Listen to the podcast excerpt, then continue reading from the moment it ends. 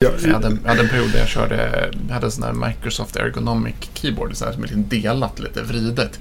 Mm. Och det, så här, ja, det tog väl två veckor att vänja sig, men det var, typ, det var väldigt intressant. För varje gång någon satte sig och skulle så här, ja men jag ska bara fixa en grej, så tittar de på tangentbordet och så bara, nej det är nog bäst att du gör det här. Och jag bara, det, det var inte så konstigt, det var liksom inga, det var inte några sådana här konstiga keyboard layouts, men Var det sån här som också in, alltså som, de säger, som, liksom, som gropar på sidan? Nej, nej. väldigt default. Liksom. Det, det, det är lite större, det är lite, lite isärvridet i mitten bara. Men muskelminnet Okej. sitter djupt alltså. Men det tar... Det, jag vänjer om sig med det. Mm. Ja, jag har ju problemet hemma att Ja. eh, eh, mitt tangentbord som jag vanligtvis använder. Oavsett vilken Mac jag kör på. Så helt plötsligt så kan det ha mappat om. Eh, bytt tangentbordslayout. Eh, och jag får inte till det. Det säger att det är svenska. Men eh, icke. Så jag får liksom Aha. var tredje gång eller någonting får jag eh, hålla på och mappa om alla tangenter igen. Eh, väldigt frustrerande. Men jag älskar det tangentbordet så, så någonstans så tycker jag ju fortfarande att det är värt eh, mödan att, att hålla på och mappa om. Ja, just det. Det är ingen verksamhet på att bygga egna tangentbord än. Det verkar vara, det verkar vara inne just nu. Jag har kollat lite på det. Nej. Eh, och fra, framförallt att sitta och... Eh, eh, vad heter det? När man, när man har sina eh, eh, keys. Eh, de här fjädrarna. Vad heter det? Eh, Mm. Switches. Switches, exakt. Att man håller på och eh, kör lube i dem så att de ska bli mjukare. Det är fortfarande samma taktila känsla men de blir så himla mycket mjukare. Så, så Oj. sådana saker har jag kollat mycket på på YouTube och så här. Vilken skillnad det är från lubes och inte lubes och om man kortar ner lite och ja. Det är en hel vetenskap. Jag gjorde faktiskt, jag köpte, Aha. köpte så här, små gummiringar, så här, dämpningsringar till knapparna. Mm. Eh, så, för jag, jag har kört röda switchar och så har man tryckt på dem. Men när, man, när jag satt hemma och, och min fru satt också hemma, då var det så här. Det lät för mycket. Så då bara, ja men okej, okej, då beställde jag. Det tog ju typ en hel kväll att sitta, plocka av alla tangenter och sen så sitta trycka på den där lilla, lilla ringen på varenda knapp. Hela, men, men det blir bättre alltså, de blir tystare. Men nu har jag, nu har jag fixat, fixat ett annat trådlöst tangentbord istället. Ja, just det. Ja, det är alltid spännande det där med tangentbord. Vad säger ni? Ska vi köra igång? Ja, det tycker jag. Det tycker jag.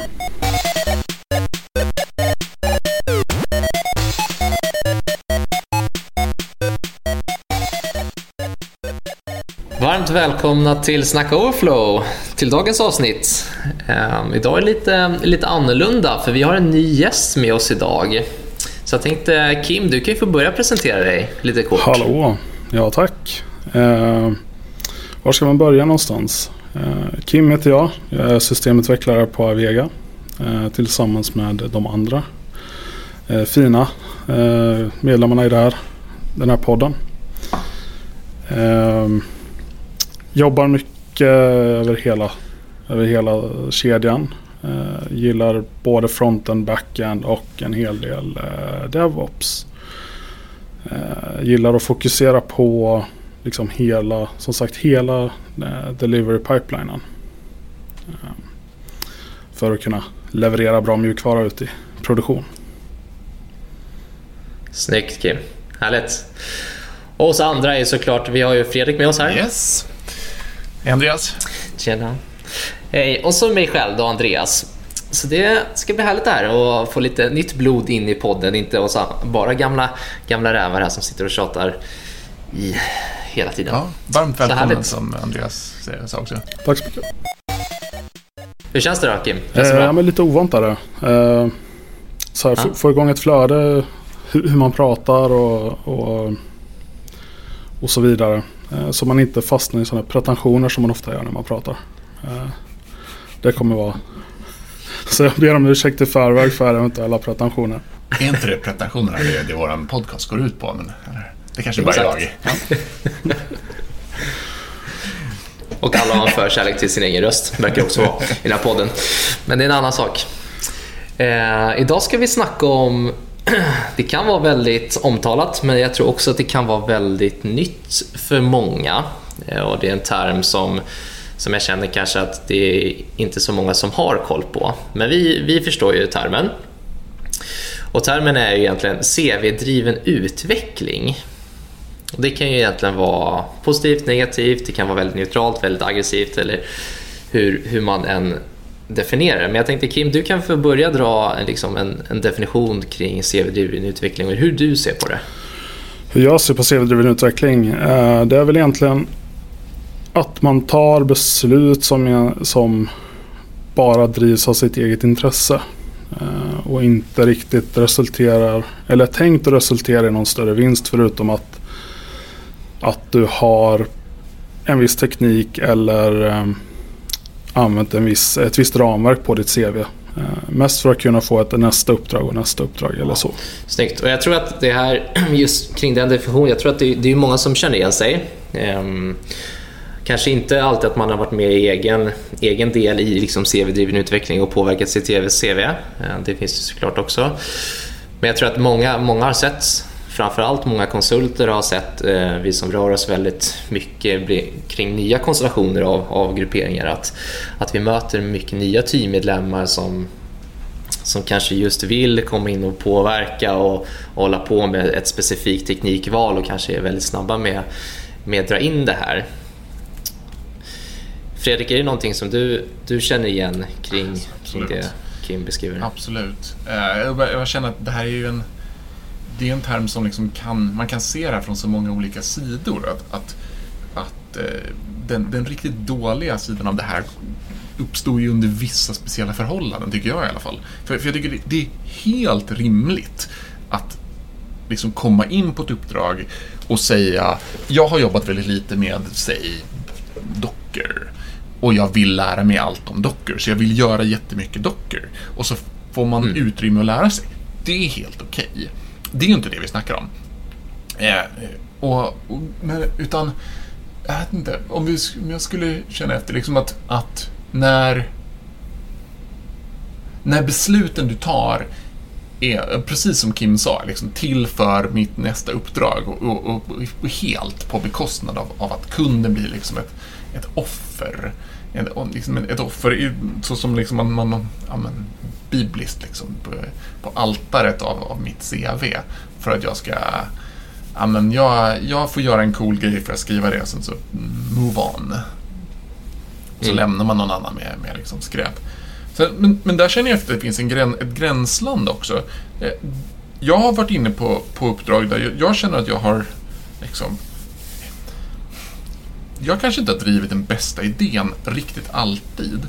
Men det känns som en skillnad mellan om jag har drivit en idé som visade sig inte bli, bli jättebra, men jag trodde verkligen på den. Det var inte meningen att jag skulle ta med den till framtiden. Jag trodde det här var den bästa lösningen. De är så enormt snarlika egentligen. Någon driver en idé, den kanske inte är den bästa idén, men motivationen bakom är väl det som vi, som vi söker efter. Mm.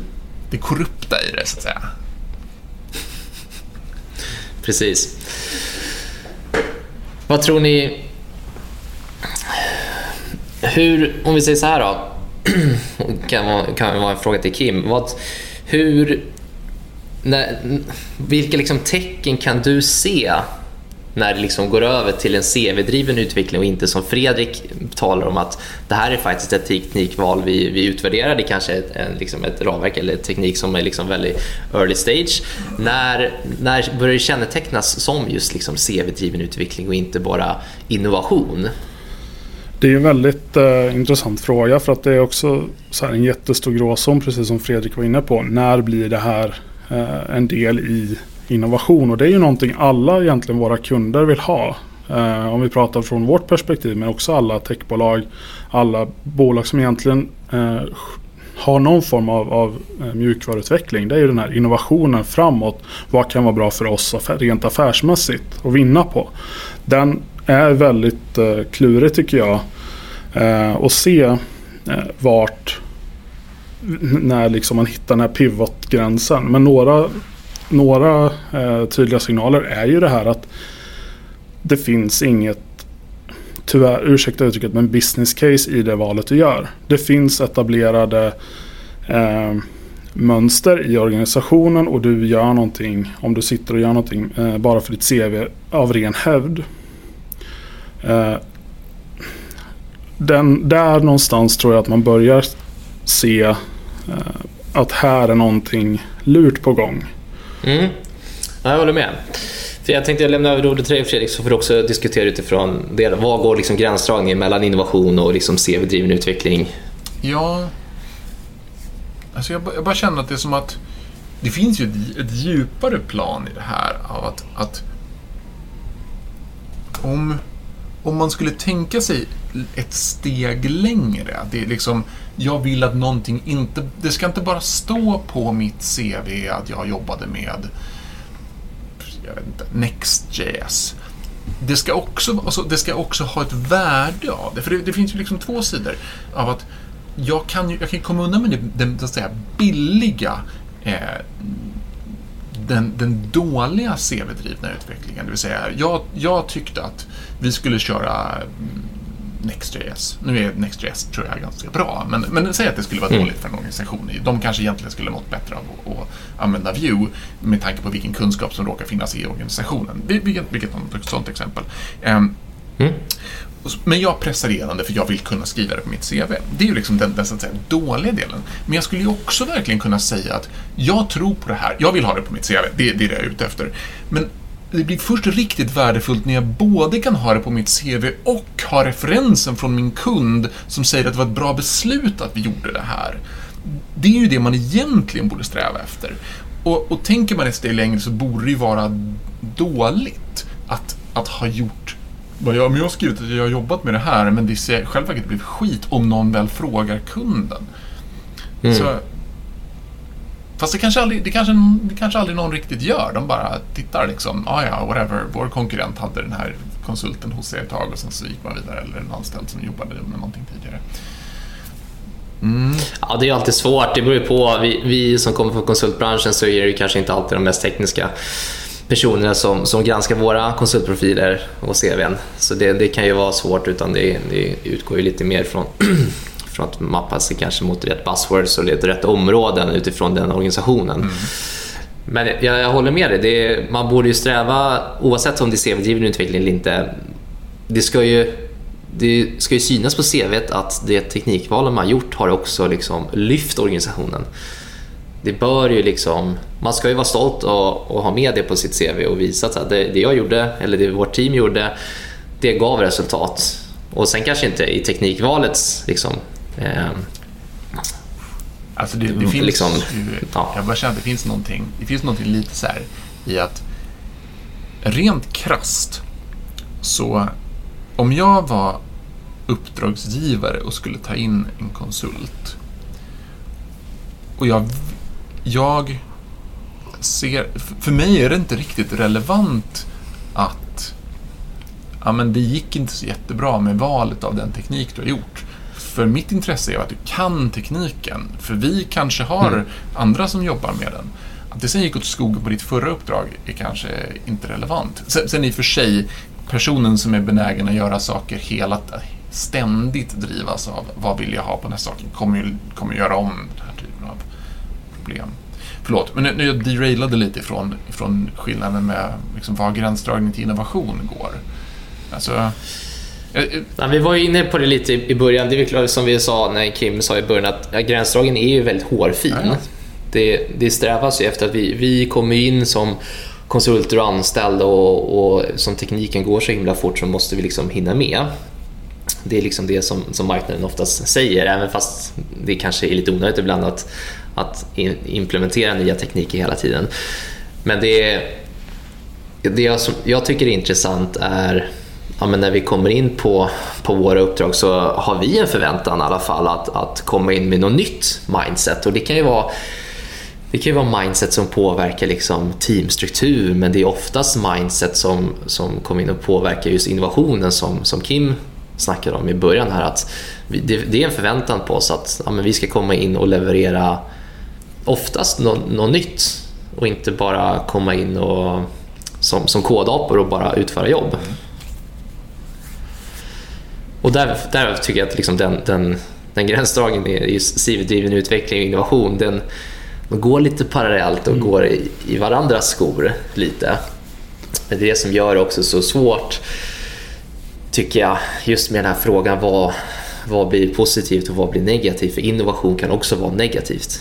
Men är det inte, är det inte så att det är samma sak egentligen? Fast ska kan, alltså, jag tänker mig att det Mm. blir CV-driven utveckling, eller det skällsordet CV-driven utveckling uppstår när man liksom pressar igenom sin vilja att göra någonting trots att man börjar inse att det inte är det bästa alternativet.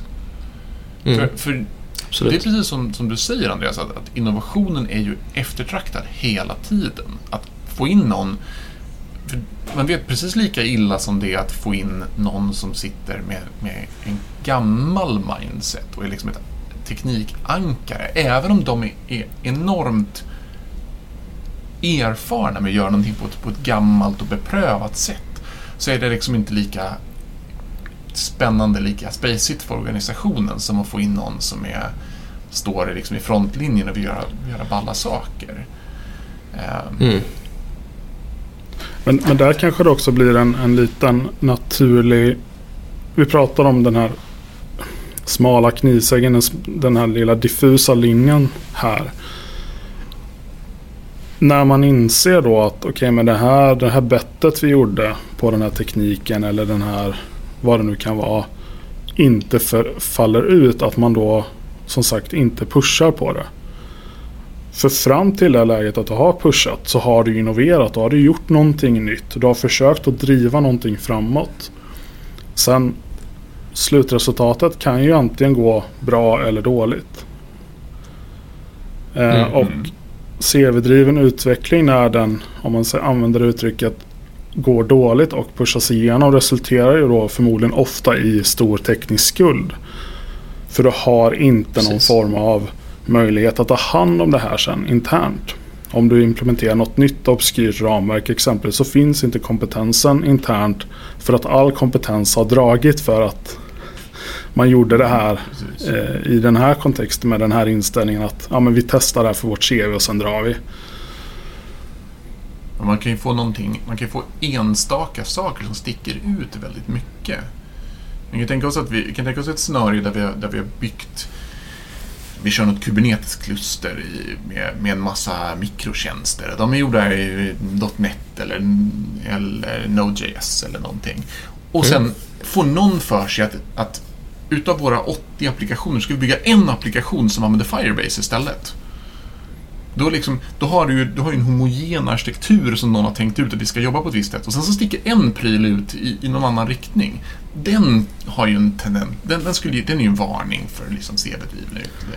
Om man, om man divergerar för mycket bara för att, ja men, nej, vi struntar i allt det här som, som vi har gjort nu och så bara gör vi någonting annat. Nu säger jag inte att Firebase är dåligt, Firebase är, kan vara helt fantastiskt. Men om man gör en grej som sticker ut från allting annat, och samma sak åt andra hållet också förstås. Ja, det var tur att du la till det Ja, ja. sista för annars hade. Mattias blivit väldigt arg här om han hade varit med här i Ja, podden. Mattias kommer, Men- kommer att, Men- att bli arg om jag bashar Firebase. Exakt. Det kan ju också vara eh, som sagt eh, den här att det sticker ut kan ju också ha vissa anledningar. Dels har du inte samma capabilities i vanliga arkitekturen. Har du ingenting som motsvarar Firebase så kanske det är okej att ha den här som sticker ut. Eh, eller att man har någonting eh, som faktiskt har samma capabilities men vi vill testa någonting annat. Men då måste det också finnas ett en plan för att ta hand om det här testet. Inte bara att säga att jag har Firebase och sen har jag någon annan eh, motsvarighet någonstans. Eh, Supabase eller whatever. Då, då, ja, jag väljer Supabase fast alla andra är med Firebase. Då, då kanske man inte är på, Mm. På rätt sida av den. Nej, precis. så säga. Men vad, då kommer vi in lite på, på nästa frågeställning. Vi, vi har snackat lite kring liksom, teknikvalen. Det kan bli spretigt, det kan vara homogent. Det beror på, är vi inne lite på. Men hur tycker ni man liksom identifierar och skjuter ner sådana här förslag? Säg att, som, som Fredrik sa, om vi bara tar för exemplets skull, att alla mikrotjänster kör .NET. Eh, och så kommer det in, ja, men någon vill köra Node, någon vill liksom plötsligt köra en massa AVS lambda-funktioner. Hur, hur, liksom, hur identifierar man ena sidan, det här är teknikval vi måste göra för vi har de här kapabiliteterna som du är inne på Kim. Och hur identifierar vi att det här är faktiskt bara en grupp eller en person som faktiskt vill boosta eh, sitt CV eller teknik som den vill pilla med. Om någon vill introducera ny teknik så ska, får man liksom ha en diskussion och, och försöka hitta en motivation i varför. Och, och om någon har liksom, tunga... Det behöver inte vara tunga argument så som att man är en stark retoriker. Men om man, men om man ändå liksom förstår vad tekniken ska användas för och, och det finns en, en, man kan uppvisa en kunskap för det, det är ett bra tecken. Medan om, mm om någon pratar buzzwords eller hur många som använder någonting eller att ramverket är, är stort eller att det håller på och växer eller liksom den typen av så här mer marknadsföringsjargong skulle jag se som en varningsflagga. Men, men det kanske är, det kanske är tech-sidan. Det kanske är så att om någon försöker introducera, ja, men vi ska börja köra safe eller vi ska byta från Scrum till Kanban. Eller, de har väl liknande samma typ av teknik. Det är väl samma CV-driven utveckling problematik där också. Liksom. Att om man Ja, allt egentligen handlar ju, det är ju inte bara teknikval, det är ju arbetssätt också som du säger Fredrik, oavsett om man kör Safe, man kör Scrum, man kör Kanban, man, man kör DevOps. Eh, allt det här är ju liksom någonting som, som påverkar teamstruktur och teknikval i många, många meningar. Eh, och det är faktiskt rätt intressant att man går utanför teknikens värld också och diskuterar det. Men man Kim, om du får... Man kan få in CV-driven utveckling på chefsnivå om man har otur. Precis. Det... Jag skulle vilja jobba med Safe. Nu tycker jag vi ska omstrukturera den här organisationen lite. Exakt. Eller jag skulle vilja ha outsourcing på mitt CV. Det, det ser fint ut. Nej, vi ska inte nej, gå nej, så, så nej, djupt i träsket ska vi inte gå. Men jag tänkte vi hoppar upp några nivåer och så Kim, vad, vad ser du på, på den frågan? Liksom hur, det är också en fin gränsdragning såklart, men vad, vad har du sett i din tidigare erfarenhet vad man kan göra för att identifiera och kanske skjuta ner eller pusha på sådana såna idéer? Nu kommer ju de här presentationerna igen. Eh, men framförallt om det, om det inte finns några existerande capabilities eller buy-in ifrån organisationen att satsa på den här tekniken eller ramverket eller safe eller vad det nu är. Finns inte organisationen bakom och man börjar med att gå rakt mot eh, eller man ämnar med att gå rakt mot produktion. Alltså som man inte börjar med en POC eller en MVP. Då är det helt okej okay att göra de här mm. grejerna för då är det innovation. Men går du rakt in i ett system som är tänkt att köra, köra långsiktigt i produktion och också eh, lämna en form av POC-stadie till någon form av förvaltningsstadie. Nu, nu gör jag så citationstecken och det syns ju inte i etern. Men så här. Eh, där någonstans är ju... Eh, det, är ty, det, det blir, börjar bli tydligt där liksom. Mm. Ja, men jag håller med. Det, och många, många företag som vi, vi, eller många kunder som vi sitter på har ju, har ju numera liksom dedikerade innovationsavdelningar till och med. Där de sitter menar, vi alla har ju varit på någon sån litet labb eller innovationsavdelning där man liksom man tar något väldigt, väldigt litet, man kör en POC, ser hur det funkar. Först då börjar man bygga en produkt kring det. Men skulle ni säga, det är också en rätt intressant fråga, nu, nu går vi lite off topic här, men när man, när man har valt, gjort den här pocken, vi som har suttit på sådana här projekt, hur ofta ser ni att man fortsätter med just det teknikvalet man gjorde pocken på? Är det, är det vanligt eller är det att här, nej men nu fattar vi att den här produkten, det kommer flyga, men nu väljer vi andra teknikval för att göra det ja, stabilt, eller robust eller skalbart eller sådär. Fredrik, har du några invändningar? Nej, jag tycker den där är en sån här fråga som var ligger makten i teamet? Alltså att om mm. du har ett team som är väldigt ingenjörstungt då är sannolikheten ganska stor att pocken också blir en, en produkt. Alltså det är som, åh oh, men det här var nytt och coolt, det här, det här ska vi göra. Medan om du har mycket mer business-tungt, management-tungt så, kommer, så finns det i alla fall en, en risk att det blir mer eh, så här, ja, men vi ska ta det som är säkert och så. Eh, fast sanning modifikation, det finns, jag har också gott om tekniska personer som gärna håller sig till det man kan. Och, och, och tvärtom med, med folk på managementnivå Mm. som är, men Men, men det är oftast, det, alltså, innovation har ju oftast lite sån grundforskningsliknande eh, ja, beteende av att, att eh, det är inte alltid säkert vad vinsten är när man börjar pocka någonting. Det är inte så att man kan säga så här, jo, bara för att jag känner att det är ballt att köra svält eller att gå över till att köra mikrofrontends eller någonting. Alltså, det, det är inte säkert att jag kan motivera varför det här kommer att ge liksom, pengar i kassan till, till företaget långt in i framtiden.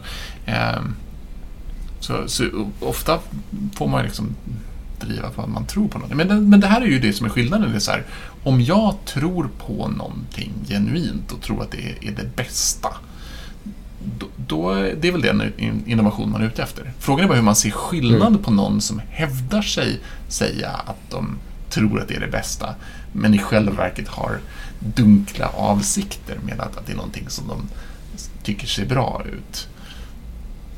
Mm. Precis. Kim, har du någon, någon invändning där? Egentligen inte.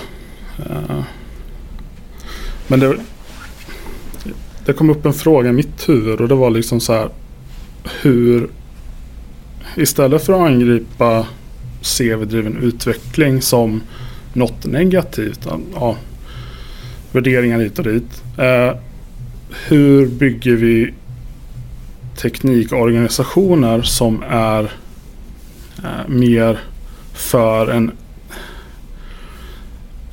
en, en system, eh, ett ekosystem av system som inte är homogena. Hur kan vi bygga en sån arkitektur? Och då helt plötsligt så spelar det ingen roll om ett team kör Firebase, ett team kör, ett team kör Supabase eh, eller ett team kör eh, SQL Server. Det är liksom Mm. hur kan... Det, det gör vi inte ofta det med, med eftersträvar vi inte ofta det med här mikrotjänstarkitektur av att vi, att vi vill att teamen ska kunna göra beslut själva. Men eh, jag, jag har en liten spaning. Jag skulle säga att så som arbetsmarknaden ser ut just nu för kvalificerad, kvalificerad IT-personal så skulle jag säga att hela branschen är lite CV-driven. Alltså att, att jag tror att vissa bolag kommer hamna i situationer, det här, det här har jag propagerat för i många år, att bolag kommer hamna i situationer där de måste göra teknikinvesteringar. Inte för att de är värda någonting för organisationen, utan bara därför att personal slutar om de inte får jobba med nya häftiga grejer. Så att vi kommer behöva avskaffa och bygga om system på grund av CV-driven utveckling. Mm. och då, då blir det rekryteringsdriven utveckling istället. Ja, men det är ju lite Mm. samma sak. Mm. Det, det, är ju, det, är ju verkligen, det är ju verkligen bara på andra sidan spegeln. Liksom. Ja, och det blir, liksom, det blir fel i många, många led. Vi konsulter som söker någonting som vill boosta våra CV medan våra, våra arbetsgivare, alltså våra konsultinköpare, de, de vill ha personal som höjer deras innovation.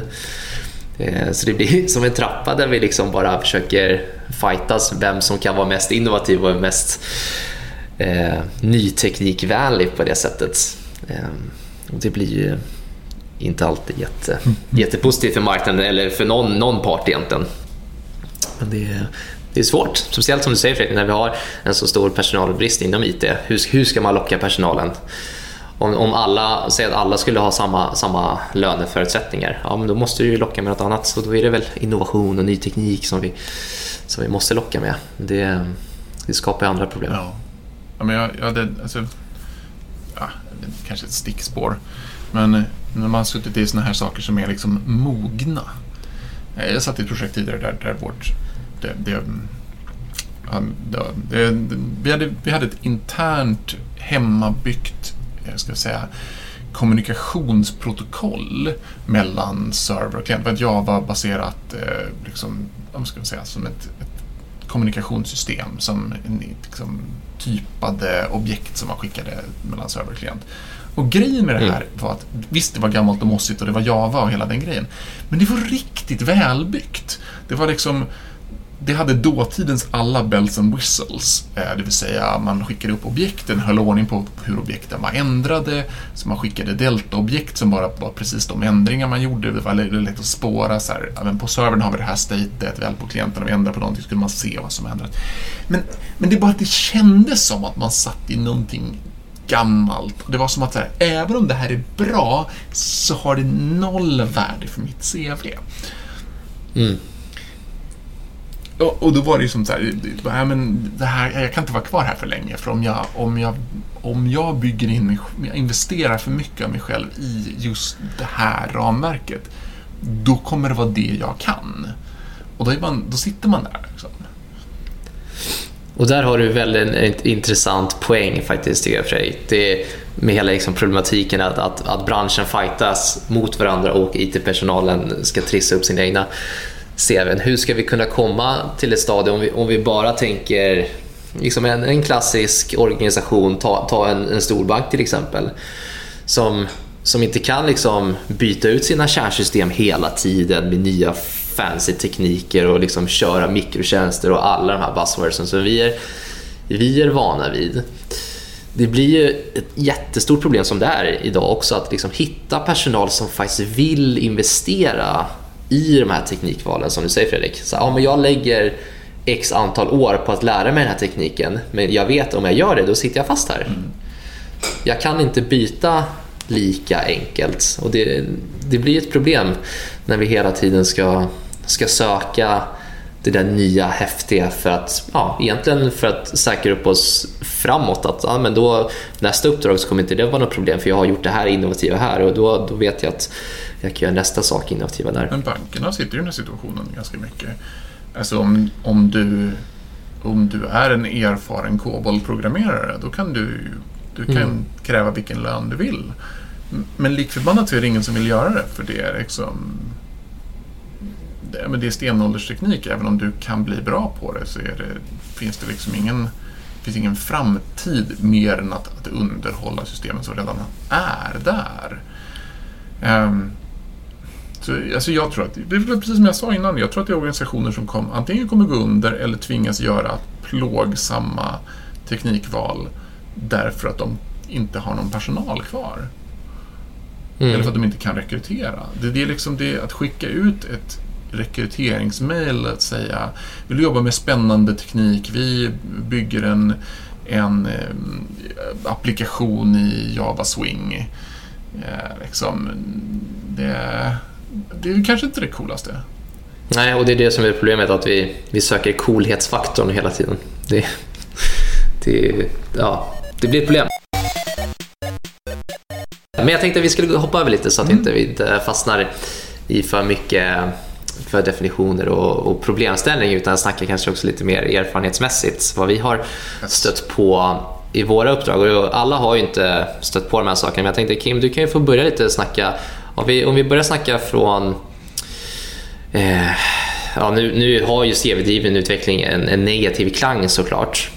Men om du, om du vänder på det, om du har varit i ett projekt där liksom den tekniska innovationen har varit liksom en möjliggörare för organisationen och varför och ja, egentligen varför om du diskuterar lite kring det. Eh, jo, men jag har eh, ett exempel eh, för några, som jag själv kan bli beskylld av att ha kört CV-driven utveckling i. Vi, mm. vi, eller jag, var lead på och skulle bygga en eh, dataaggregator. Ett system som skulle koordinera data mellan olika system. Eh, I det läget så var eh, serverless var väl ganska etablerat men ändå inte riktigt det var inte moget i den organisationen jag var i. Och absolut inte i den egentliga applikationen jag var i.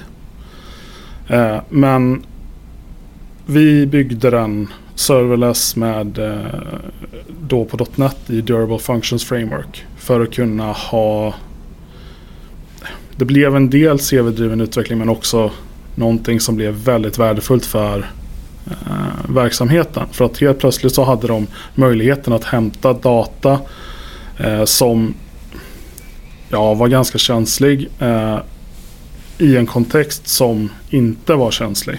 Och kunna göra businessanalyser på det. Så den var jättevärdefull för dem. Men jag var den enda som kunde Durable Functions Framework när jag slutade där. Mm. Då är det ändå, du har ju ändå valt någonting som är lite för obskyrt. Om det är från Microsoft så, så är, ska de väl ha support. Liksom. Exakt. Um, Det är alltid svårt det där tycker jag. Jag kom på precis lite, lite annan erfarenhet kring det där. Men det är alltid svårt när, när, som, som vi varit inne lite på, att du förväntas vara innovativ. Du drar in ett, ett fungerande koncept som faktiskt är liksom innovativt fast ändå beprövat, som du var lite inne på Kim. Men så finns inte kompetensen i huset. Och då, då kan, det kan ju såklart vinklas som CV-driven utveckling för dig fast det inte är det. Exakt. Det, det är hade jag byggt den här applikationen i en organisation som hade etablerade serverless-kunskaper. Då hade det inte varit några problem. Mm. Här fanns det inte och därför så Exakt. blev det... Sl- Slutresultatet blev ju ändå bra men, men eh, långsiktigt så blev det inte så bra för det teamet som, som ärvde den applikationen. Mm. Nej, Har man ett ansvar för det här? Det, det här är en jättesvår fråga. Alltså, har man, om jag har ett, ett teknikval som, som för mig är helt självklart, vad det än nu råkar vara, men jag känner att, det, att kunskapen inte finns i huset, mer än för mig, ska jag göra liksom, dåliga teknikval? Om jag, är, om jag är ansvarig för att göra valet, ska jag göra dåliga val och utgå ifrån den nuvarande kunskapen? Eller ska jag faktiskt förutsätta att att de som finns där kan lära sig eller att man kan rekrytera. Eller att, att det, folk rör på sig. Det kommer in nya som kan det. Hur ställer ni er liksom till, till den... Jag tycker att alltid att det är svårt, just den där frågan, vi, vi har suttit i mycket sådana diskussioner i, i diverse de här poddavsnitten och diskuterat liksom kring, kring frågan, så här, ska vi utbilda våra kollegor till exempel? Är, är det vårt jobb? Eh, och det går ju in lite i, när vi drar in nya teknikval, som du säger Fredrik, har vi ett ansvar för att de andra ska lära sig. Är egentligen vårt ansvar att leverera någonting liksom stabilt tekniskt och sen bara belysa för vår, för vår ledning att om vi väljer de här teknikvalen så kommer de här teamen behöva de här kompetenserna. Är det liksom good enough eller är det också är det också lite vårt ansvar att vara lite utbildande funktion och, och stödfunktion. Jag har varit i, ja men jag och Fredrik har ju suttit på samma uppdrag och när jag började på, på det uppdraget så, så skulle vi börja med microfrontends. Och då var egentligen, det var så pass enkelt att alla team skulle börja med view. Och så var det några team som inte hade suttit i view eh, och i, knappt egentligen frontenutveckling överlag. Men som, som, och deras produkt sa, men vi, vi, vi tar ansvar för att bygga vår produkt i view. Och så, ja absolut, det är helt fine, liksom. det är inga konstigheter. Och det, det är nästan fördelaktigt att ni gör det för ni kan produkten bäst. Men då, då hamnar vi lite i den här situationen att okej, det är vi som faktiskt har propagerat eller i alla fall pushat lite på att ja, men view är det, liksom det teknikvalet vi, vi eh, främst ska ha på våra microfronten så vi kan snacka samma språk. Eh, sen så får man såklart välja men det är i alla fall en rekommendation från vår sida att köra på det. Och då, då sken det igenom lite här att okej, nu, nu blir ju vi en, en stöttfunktion för view-kompetens och inte för liksom, liksom vår domän och andra saker utan vi, vi fick vara, vara support för så här fungerar saker i Vue och vi fick hålla en del utbildningssektioner. Och det, men det är alltid intressant, det, jag tycker det är svår, svår gränsdragning kring det. Men um, jag kan ju fortsätta eh, prata lite kring, kring ett bra exempel, dock i samma uppdrag, när vi faktiskt skulle bygga den tredje versionen av vårt komponentbibliotek. Det var Eh, och nu har jag hört att, eh, från lite inside information att eh, ett fjärde, fjärde version är på gång som ska spänna över hela organisationen. Vi får se. Men i alla fall, när vi skulle dra in tredje versionen av komponentbiblioteket så var så var jag och en kollega Pontus som, som började utvärdera, okej men om vi nu får chansen att bygga om det här komponentbiblioteket från grunden, vad är det vi ska göra? Vi har ett designsystem, vi har ett regelverk kring hur komponenter fungerar tillsammans, men vad är det för teknikval vi, vi bör ta här för att, eh, för att få det att funka på ett, på ett smidigt sätt?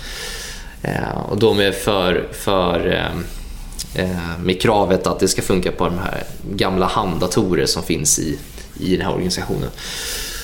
Och då visste vi att ja, men bundle size är viktigt. Det är viktigt att ha ett, ett teknikval som är lätt att sätta sig in i. Eh, och då, eftersom många, som vi visste, att det, det finns inte alltid liksom specifik ramverkskunskap och då menar jag view, React, Angular utan vi gick så, okej okay, men om vi tar ett teknikval som är så, så pass likt JavaScript som möjligt, är det, kan det vara en fördel för oss? Eller kommer det bli ännu svårare? För i många fall så får man ju hjälp av ramverken också.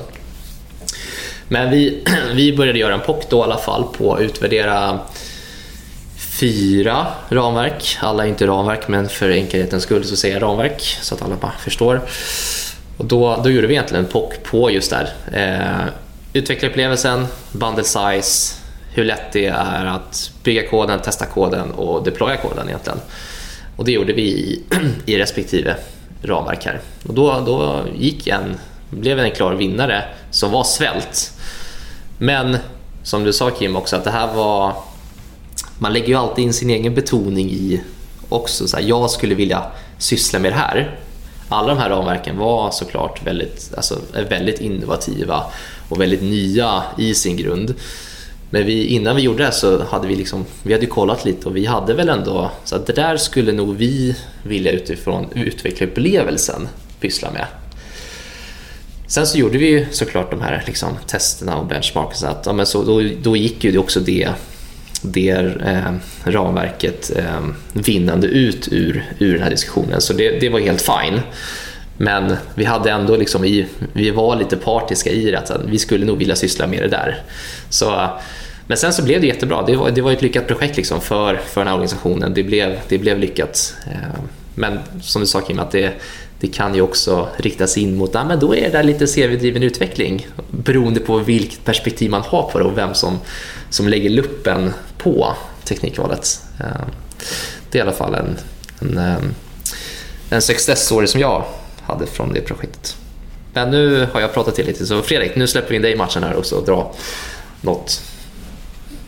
Ja, vad ska man ha för exempel? Um, jag, jag har en... Fast det är inte riktigt så här, det, det kanske inte riktigt CV-driven utveckling, men jag var med och drev en, en um, utvecklingen av en, typ som en backend-plattform för några år sedan. Eh, där, där vi skulle liksom kommunicera mellan massa mikrotjänster. Det var väldigt så generellt att vi ska bygga en plattform för hela bolaget och, och det, det, det, ska gå att bygga applikationer i den och det ska vara liksom, alla ska liksom hänga ihop och det var, ingen, det var liksom ingen rim och reson på hur, hur generellt det här skulle vara.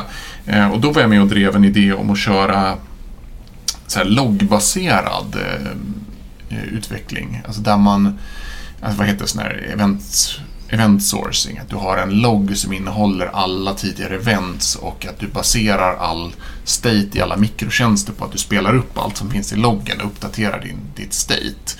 Och var med och drev den. Eh, och, och det roliga med det var att jag, jag fick ganska bra gehör hos det är åtminstone delar av ledningen som bara, ah, men vi gillar det här liksom arbetssätten. Men, men det var jättemycket intern konflikt. Alltså den organisationen var, var plågad av en massa intern politik med viljor som ville olika saker. Ehm, men ehm, men jag, jag, vet faktiskt inte hur det gick. Liksom. Vi, vi, började göra lite applikationer och pocka på den här lösningen och började jobba, men, men någonstans där så liksom gled det ur mina händer och, och, det var andra personer som fick makten över vilka, vilka beslut som skulle tas.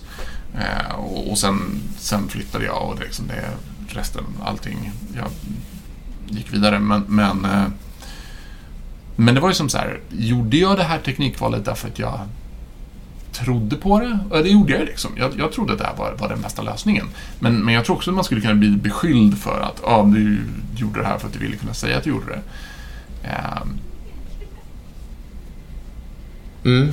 Och det är spännande på det, på det sättet, beroende på vem som faktiskt lägger luppen på och kollar. Ja. Så, men, så kan det ju klassas som det. Ja, men sen, sen, har man liksom den andra, den andra sidan av det här som är liksom ur ett personligt perspektiv. Jag hade ett uppdrag där jag fick liksom en, jag fick en sidouppgift att, ja men du har gjort det här med Docker förut. Du, kan inte du dockerisera våran, våran byggserver?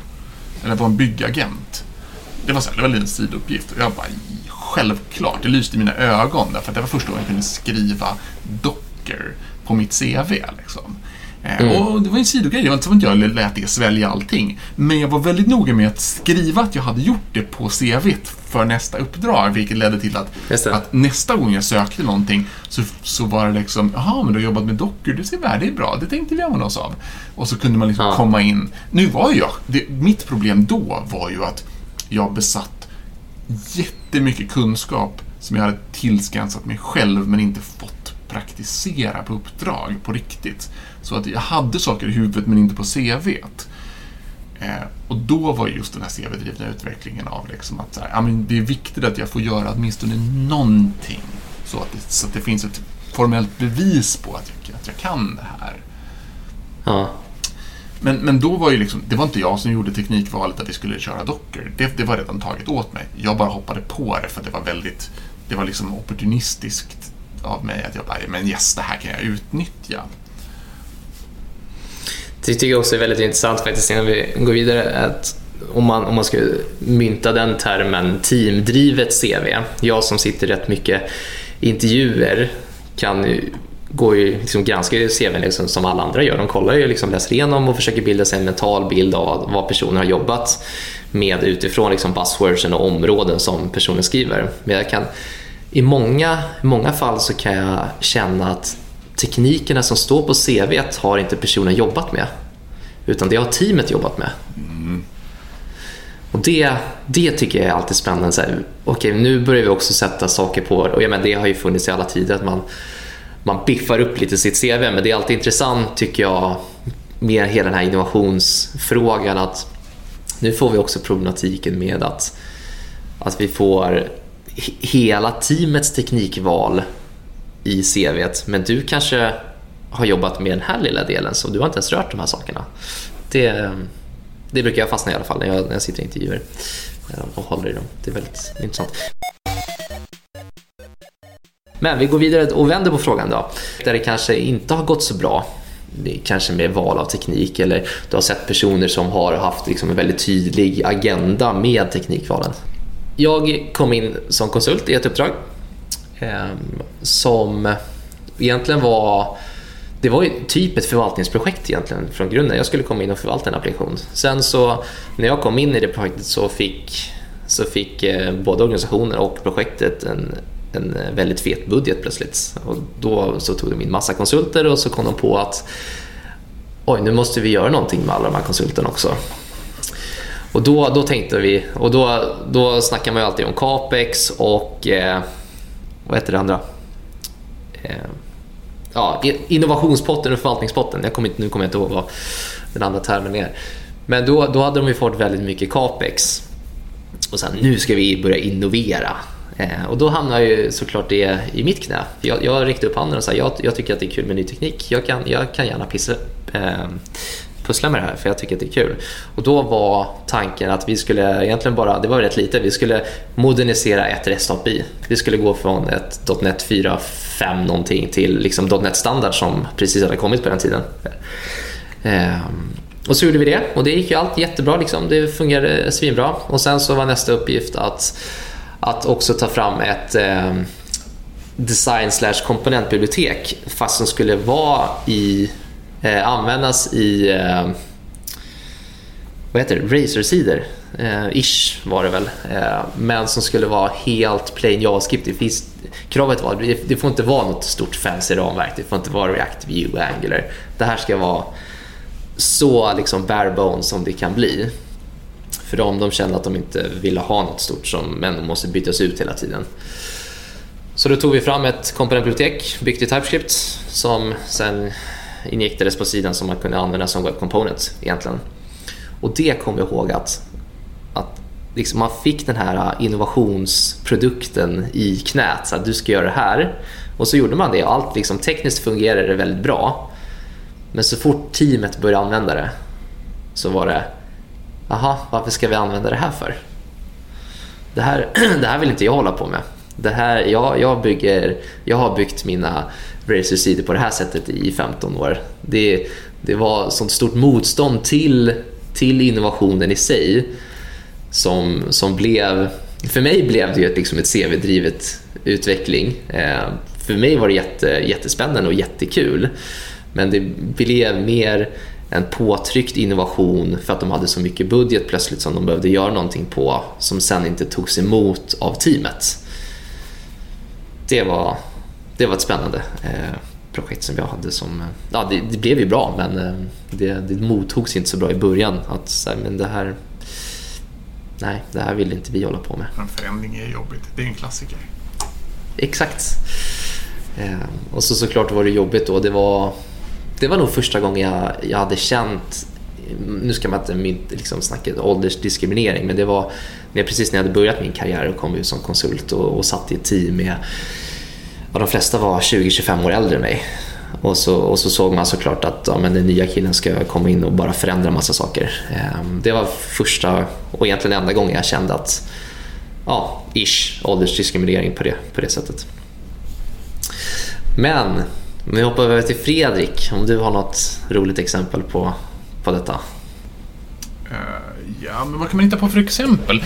Kan, man kan se lite spår av saker i efterhand. Uh, mm.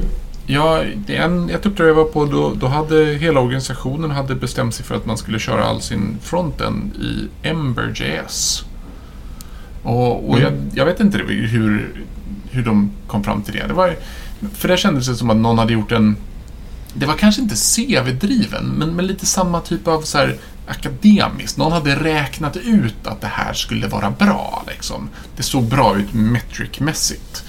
Eh, och så hade mm. man byggt en massa saker och sen så efter ett tag insåg man att det var liksom svårt att hitta folk som kunde det här och, och, och det, var liksom det, det, blev inte som man hade tänkt sig. Och då kom jag in och var liksom, då ville de köra React istället för det var liksom... Eh, så då, kunde man se spår av att någon hade gjort beslut tidigare som, som inte var superbra. Ja, men jag, jag har ett gränsfall på den sista frågan där som, som du ställde eh, kring mm. ett teknikval som då kanske var lovande men som kanske inte blev så bra. Eh, för några år sedan så satt vi eh, på mitt dåvarande jobb eh, och byggde mycket i en stor CMS-produkt. Den här CMS-produkten hade precis eh, gjort en stor omdaning och börjat bygga mer löskopplade och återanvändbara block och så vidare. Och då, det här, tänk också att det här var innan eh, React och Vue och Ang Angular hade väl precis kommit eh, runt de svängarna där och började få traction. Eh, så vi hade någon, någon idé om att vi skulle börja bygga, eh, ta de här blocken och bygga mer Eh, komponentbaserat. Så att vi också kunde återanvända för, ja, dels för kunder men också återanvända block eh, i, sin, i sin ursprungsform. Eh, och då var det också någon sån här, det var Racer Pages eh, eller of Views i botten. Eh, så det blev någon form av eh, SSR. Och sen la vi ett JavaScript-lager på. Eh, som sagt, Angular var ganska nytt. Vi valde inte Angular utan vi valde ett obskyrt ramverk som hette T3. Mm. Tror ni det ramverket finns kvar idag? Eller tror ni det, ram, tror ni det ramverket finns, äh, fanns kvar två år efter att vi hade börjat med den här idén. Mm. Eh, det, idén var god men den dependencyn som vi hade där eh, var väldigt... Den föll inte så väl ut. Jag kan tänka mig att det med, med, med tanke på det du sa Kim, precis att speciellt svenska myndigheter tar ju mycket tekniska vägval på grund av den anledningen. Och egentligen det borde väl kanske alla göra, men jag kan tänka mig, nu är det här ren gissning, men att att svenska myndigheter fokuserar mer på att se vilka som ligger bakom teknikvalen och kollar att ja, men kommer det här stödjas om, om två eller tre år för vi, vi har inte råd eller tid att eh, byta ut det då. Ja, spännande. Ja, ja, vad säger ni? En, en gammal, histor ja, en gammal historia med, med så här roliga teknikval som inte slog jätteväl ut. Det, var, det här var typ när jag började jobba för nästan tio år sedan. Så kom jag in ett uppdrag. Produkten var, redan, var gammal redan då. Eh, de hade gjort saker i... Åh, nu ska vi se, vad hette ramverket? Alltså, innan Microsoft gjorde .NET så gjorde de en produkt som var alltså Java fast i liksom Microsoft, de gjorde liksom sin egen Java-motor. Så man skrev Java-kod, men man utvecklade den i Visual Studio och körde den i liksom .NET, samma som Visual Basic då. Liksom när, när, jag tror, jag tror C-sharp hade kommit, men det var liksom J-sharp, J-sharp, J-sharp.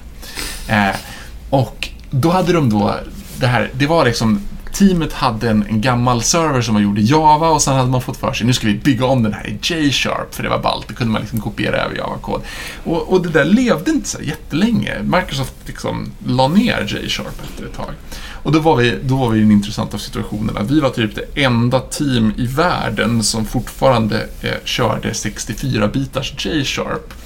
Så en av våra teammedlemmar hade suttit med liksom så här, utveck Microsofts utvecklingsteam i Indien och bråkat med dem över buggar i, i hela ramverket. Liksom. När det var så här, det är bara ni kvar som använder det här typ i hela världen. Sluta liksom. Spännande. J-sharp. Ja. ja, men jag har hittat så här några roliga provskott. Investeringar i Silverlight har väl också så Kommer kom mm, att tänka på när du sa J-sharp. Uh. Mm. Mm. Det här har jag också pillat i lite. Mm. Högst motvilligt. Good times. Ja men snyggt. Jag tycker att vi börjar summera där innan vi går över på den, eh, den sista delen. Så egentligen det vi har sagt om, om CV-driven utveckling det är att det ligger väldigt nära innovation och det finns ju väldigt mycket problem i flera led såklart från det vi pratade om att det, det är ett problem från Ehm, från CV-sidan men också ett problem från organisationens sida för de, de trissar upp varandra lite och påverkar med ehm, att vi söker innovativa och nya teknikval från organisationen och CV-sidan säger hej, jag vill jobba innovativt och med nya tekniker så vi trissar upp därifrån också. Vi ehm, har ju snackat lite kring, kring erfarenheter kring både bra och dåliga sidor men oftast så så kan inte klassas som CV-driven utveckling men beroende på vem som lägger luppen på så, så kan du alltid göra det. Veckans tips kör vi alltid här. Och då, det kan ju vara allting, det kan vara runt teknik som det ofta är men det kan vara Frågan är väldigt bred, den är fri tolkning. Så har du något tips Kim den här veckan? Ja, jag har det. Eh, jag vill tipsa om en bok eh, som heter Company of One eh, skriven av Paul Jarvis. Eh, och det finns en liten teknikkoppling eh, eh till den också. Eh, Paul Jarvis och hans kollega ligger bakom ett Privacy Focused Web Tracking eh, system som heter Fathom. Och innan han startade det så skrev han den här boken och det handlar om skala. Att skala inte är, inte programmeringsprocess skala utan att skala en organisation inte alltid är bra om man skalar för skal, skalbarhetens skull. Utan att man ska fokusera på att hålla saker smått och eh, ja, så att man kan förändra sig fort. Eh, och då applicerar de den här teknologin då, eller tekniken i, eh, på sitt eget bolag eh, Fathom. Eh, riktigt intressant bok. Jag har inte läst klart den än men eh, det är mitt tips för den här veckan. Häftigt. Alltså Company of Company One. Company of One av Paul Jarvis. Mm. Snyggt. Ja, den lät väldigt intressant. Du då Fredrik? Har du något tips? Oh. Alltså jag kan ju ge ett boktips om vi känner för det. Den, jag, har, jag har haft en förkärlek för så lite diverse populärvetenskap inom massa olika grejer. Läste, vad heter han? Eh, den här Thinking Big and, uh, Thinking Fast and Slow av eh, han Kahneman och den, de. Ja, men min absoluta favoritbok inom de här eh, teman med, med lite eh, så här, populärvetenskap är en bok som heter The Dictator's Handbook. Den är fullständigt fantastisk. Det är en nedbrytning av hur makt fungerar, både så inom diktaturer och, och, demokrati, eller inom organisationer, eller så homeowners associations. Och, och så här, hur dåliga incitament får folk att göra fel saker trots att det liksom är rätt. Eh, eh, eh, helt, helt fantastisk. Eh. Är det möjligtvis för jag, menar, jag, jag kommer ihåg att det finns en Netflix-serie som de går igenom de, de största diktaturerna i världen och egentligen beskriver hur, de, hur det går till och liksom hur det kan vara så framgångsrikt. Det är inte någon koppling där. Ja. Jag kommer inte ihåg vad det här heter. Jag bara tänkte om du visste att det fanns någon Ingen aning. filmatisering. Eh, Om man vill ha en riktigt kort version så har, om ni vet vem CGP Grey är, en youtubare som gör lite så explainer-videor. Han har ju gjort typ en eller två videor om den här boken och gör en snabb version. Så om man, om man bara vill ha tio minuter kort så har han gjort video om det för typ två år sedan eller fem år sedan eller någonting. Ja, snyggt. Ja, men kul. Då har jag två, två böcker jag ska läsa nu då. Och då tänkte jag så här, för att bara liksom vara himla trevligt när alla läser de här böckerna och köper de här böckerna så tänkte jag att då måste man ju ha någonting att, att skölja ner det här med och liksom, man blir ju törstig när man läser böcker och sådär. Så vi var ju som sagt på Omnipollos ölbryggeri i Sundbyberg förra veckan. Och Jag har inte varit på så mycket ölbryggeri. Jag, om man ska dra alkoholkortet så är jag lite mer en vinkille. Men har, har blivit en ölkille nu med tanke på att vi, eh, vi har ju snart ett bryggeri i Sensor Brewery på Vega. Så det måste man ju då ut, ut, eh, utforska de här smaklökarna. Men då, det jag skulle komma till var, jag drack en en, där får Kim hjälpa mig och rätta mig nu när jag kommer säga fel. Men jag drack en öl som var passionsfrukt cheesecake där. Den luktar precis som Solero-glassen, om man kommer ihåg från, från barnsben. Och det var, ja, det var otroligt god. Men jag kommer inte ihåg vad det var för typ av öl. Eh, ingen aning om det var en IPA eller det finns ju hur många sorter som helst. Men eh, jag rekommenderar att gå dit, ta ett besök dit, eh, käka en hamburgare, ta lite öl och läste de här böckerna som vi har tipsat om. Men Omnipollo, är, de gör ju roliga drycker. Det är liksom... Oh ja. Kul! Det var väl det då. Ja, Ja. Mm. Tack för oss. Ha det fint.